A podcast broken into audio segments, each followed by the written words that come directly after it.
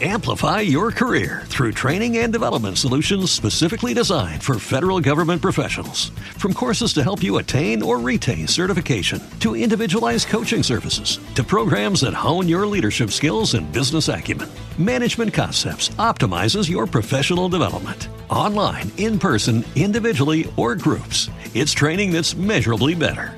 Learn more at managementconcepts.com.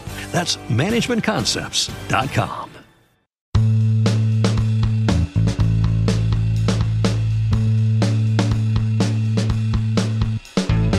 Pode influir o estado anímico, o estado de polarización dunha sociedade no grau de aderimento ou cumplimento das normas para loitar contra a pandemia?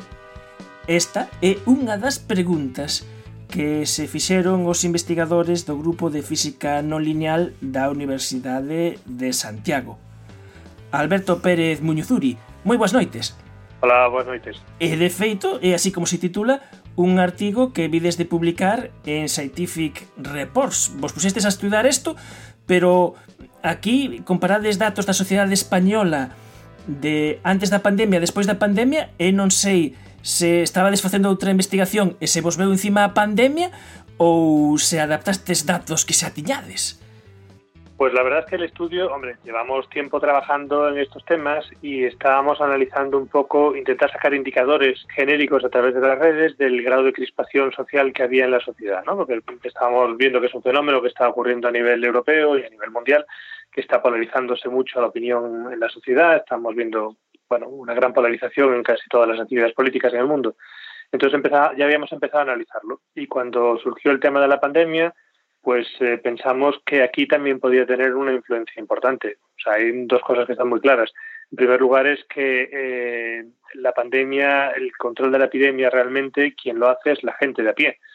Somos nosotros los que decidiendo protegernos y seguir las medidas de forma eh, estricta, somos los que paramos la epidemia. O sea, no la para las vacunas lo, pararán eventualmente, pero digamos, nosotros tenemos un papel importante en esto.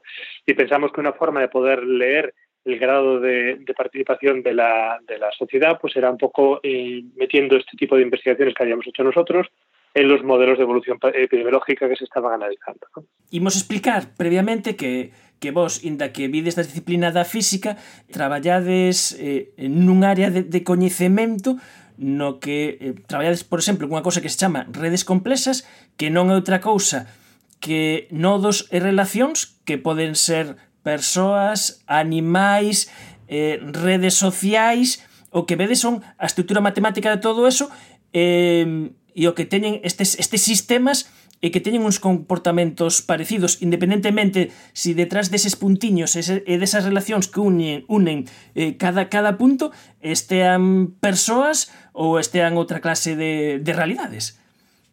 Sí, es una buena, una buena forma de explicarlo. Sí, una red compleja es efectivamente un conjunto de puntos y de relaciones entre los puntos, ¿no? Donde, pues eso, en el caso de, de red de opinión, pues estamos hablando de, de personas que tienen que están conectados con ciertas personas, ¿no? Entonces, eh, de hecho, esta información la sacamos normalmente de redes sociales, tipo Twitter, una cosa así. Entonces, miramos en un momento de tiempo determinado, pues intentamos hacer un escaneo mm, más o menos masivo, intentando ver eh, cuántas personas hay conectadas en ese momento y cuántas van siguiendo a, a, cuántas personas van siguiendo cada una de ellas, ¿no? Y eso nos permite ver de alguna forma cuál es la, la estructura de la red, ¿no? Y después, no solamente una red compleja, no solamente este conjunto de puntos y de, conexiones, sino que también es eh, una dinámica interna. Consideramos que cada persona tiene una, una posible dinámica, unas reglas de juego que le permiten tomar decisiones, por ejemplo.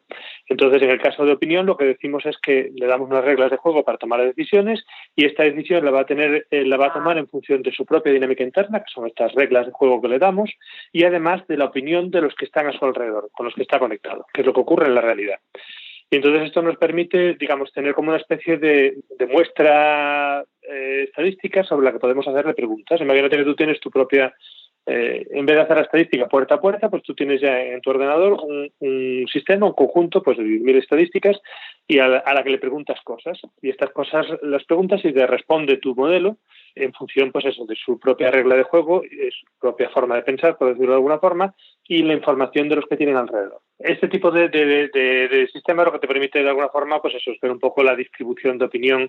Pues cuando le haces una pregunta, por ejemplo, a este modelo que tenemos nosotros, pues estás más o menos de acuerdo con la opinión del gobierno, entonces te permite ver que realmente en estos sistemas se polariza muchísimo la opinión. Eh, por ejemplo, estamos analizando la situación de ahora en enero y se ve claramente que las situaciones se polarizan. Hay gente que está completamente de acuerdo y otros que están completamente en desacuerdo, ¿no? Con casi cualquier pregunta. A, a mí chamou a atención, vendo o artigo que publicastes en Scientific Reports, eh, obviamente a maioría das cousas non, non as entendo, pero a veces atopas cousas curiosas que te indican como se fan aí a, as investigacións. E se vas ao material suplementario, se ven como vos Twitter é moi grande, que parte de Twitter de España colledes, e para eso seguides os cancelos, os hashtag, algúns eh, nos que se emiten opinións máis polarizados e outros máis neutros. A mí, por exemplo, chamoume a atención que eh, en 2019 os hashtags que, que seguistes foron eh, Roland Garros, eh, selectividade de 2019 ou ele, eleccións generales, que supoño que ese estará moi polarizado, e os que seguistes logo eh, na pandemia, na parte do estudio que fixestes na pandemia, pois era o quédate en casa ou supervivientes 2020 Sí, realmente el, el, pusimos en la lista de hashtag porque nos lo pidió uno de los uh, referees.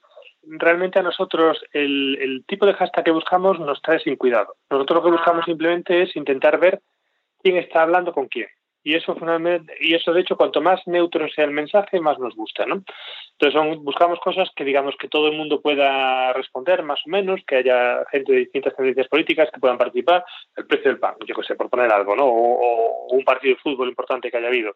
Entonces, porque nosotros realmente no analizamos el contenido de los hashtags ni la información que se está poniendo allí, lo que buscamos es la estructura de la red. Entonces, esto nos permite, cada hashtag para nosotros es como si tuviéramos una red compleja, una red completa del sistema, y lo que hacemos es iluminar una parte de la red, ¿de acuerdo? Que nos permite ver quién está hablando con quién. Y después lanzamos otro hashtag, miramos otro hashtag y vemos, iluminamos otro trocito de la red. Superponiendo muchos de estos, te permite tener una imagen, pues más o menos completa, eh, o por lo menos significativamente estadístic, estadísticamente significativa de lo que está pasando por ahí detrás.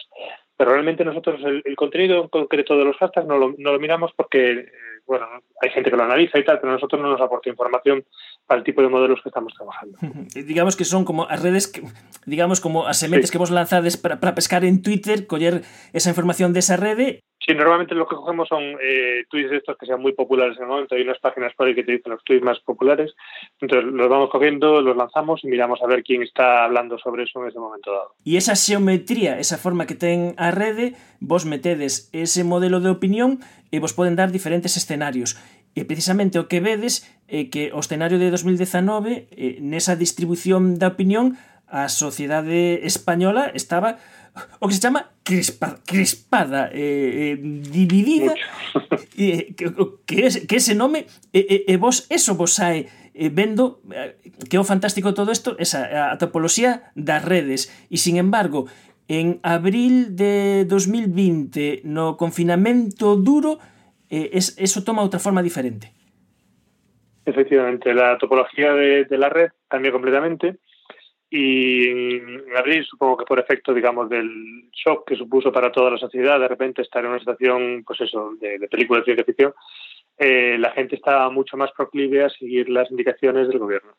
Sin embargo ahora estamos analizando la red ahora en enero que son datos que todavía no hemos publicado y ah. se vuelve a ver que hemos recuperado el grado de crispación que teníamos antes. Bueno vosotros la gente que os dedicáis a, a la gente que se dedica a las noticias y tal están claramente lo pueden constatar no con, con, con con as noticias de, del día a día, ¿no?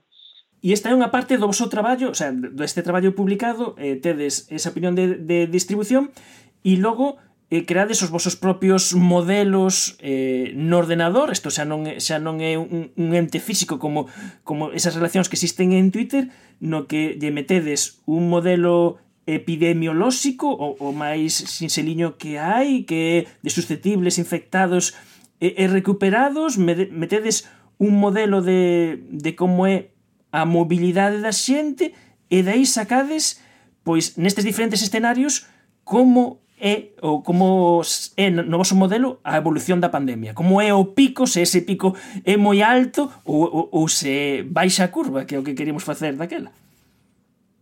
Efectivamente, lo que vemos es en, sobre ese modelo muy sencillo, obviamente no es un modelo que te pueda dar una predicción con números para el caso real, pero sí que te permite ver cuál es el efecto de la opinión sobre la, sobre la curva de la pandemia. ¿no?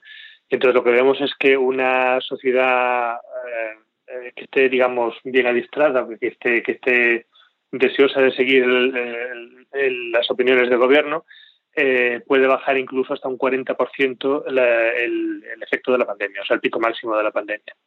Eso es, es lapidario. ¿no? De hecho, es muy curioso porque también hemos analizado otro artículo que va a ser publicado ahora estos días.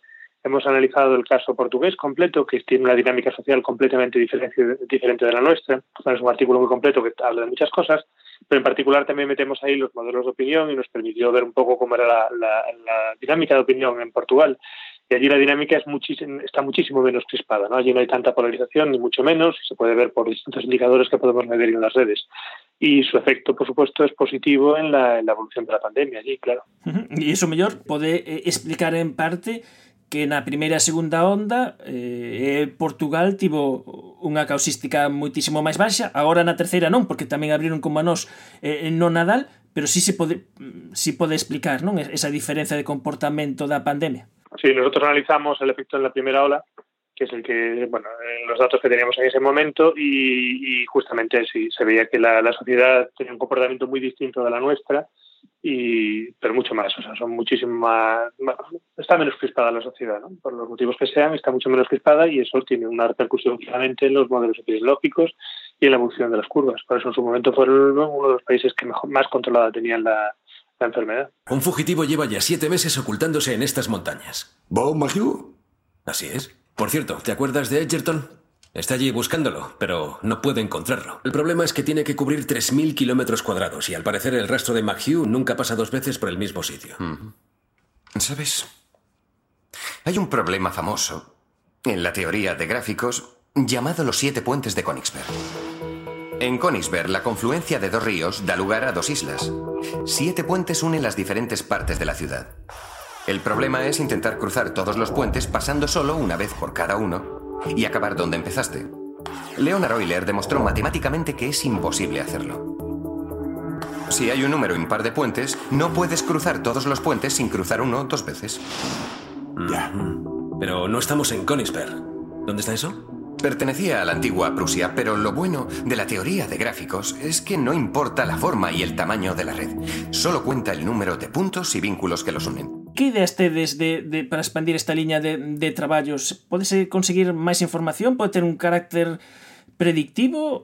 Evidentemente este é un factor máis de aproximación a un fenómeno tan complexo como é a, a diseminación dunha pandemia, claro. Bueno, estamos trabajando en colaboración con un equipo grande. De hecho, eh, este proyecto tenemos una financiación que fue considerada por el, el, el Instituto de Salud Carlos III donde hay más investigadores, tanto portugueses como de aquí en España, en varios, en Galicia básicamente, está Mira, está, bueno, gente de la Universidad de Vigo, y, eh, hacemos un estudio mucho más completo, ¿no? Estamos mirando también ahora pues un poco la, la distribución espacial de la pandemia, eh, intentando caracterizar, digamos, una especie de factores de riesgo por cada una de las localidades, ¿no?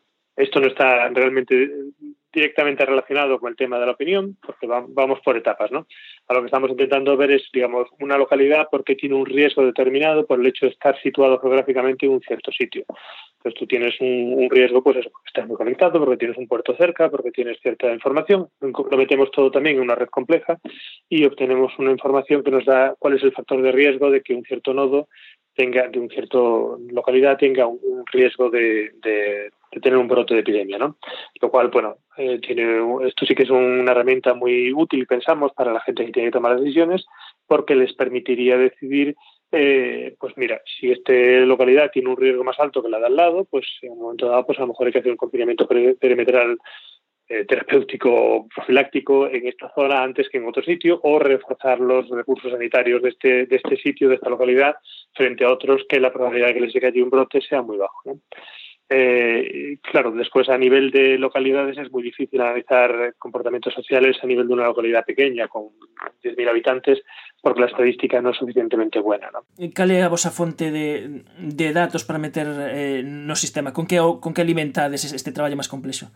Pues eh, es un sistema multicapa en el que tenemos muchas capas de información, o sea, tenemos datos geográficos de digamos de localización de las de las distintas localidades y la interconexión entre las distintas localidades, el tiempo que se tarda en ir de una a otra, que da una medida de lo bien complicados que están. Sabemos también la distribución de población de edad en, en, esa localidad, que te da un poco una, digamos, la media de edad, por ejemplo, de cada localidad, te da una medida de lo dinámica que es esa población, ¿no? Si la media de edad es muy mayor, pues normalmente es una población eh, pues evidentemente jubilados, donde el tipo de actividades que hacen pues tienen menos actividades industriales o menos, actividad comercial, entonces tienen una actividad diferente de una localidad que tenga una, una media de edad muy baja o más baja, por torno a los 30 40, que es una localidad pues evidentemente comercial, ¿no? donde hay mucho intercambio, mucho mucha intercambio con otros sitios, ¿no? Entonces todo eso se va metiendo en capas y capas de, de, de información que se meten en los modelos epidemiológicos y nos permiten obtener este tipo de información, ¿no? La forma de hacerlo es bastante complicada matemáticamente y tiene bastantes herramientas matemáticas por detrás, ¿no? Empezamos falando dese, dese estudo no que fala de como a polarización da sociedade pode influir eh, na adherencia ao cumplimento das normas utilizando eh, como ferramenta para coller información Twitter e destes traballos que estades desenvolvendo agora e tamén dese traballo que, que facedes en Portugal. Alberto Pérez eh, Muñuzuri, moitísimas grazas por atender a chamada de Efervesciencia. Bueno, muchas gracias a vosotros y muchas gracias por el interés en nuestro trabajo. Efervesciencia. Patrocinado pola FECIT, Fundación Española para a Ciencia e a Tecnoloxía, Ministerio de Ciencia e Innovación, unha colaboración da Universidade de Santiago e a Radio Galega. Co apoio da Axencia Galega de Innovación da Xunta de Galicia. Coidémonos ata vindeira semana. Adeus. Amplify your career through training and development solutions specifically designed for federal government professionals. From courses to help you attain or retain certification, to individualized coaching services, to programs that hone your leadership skills and business acumen, Management Concepts optimizes your professional development. Online, in person, individually, or groups, it's training that's measurably better. Learn more at managementconcepts.com. That's managementconcepts.com.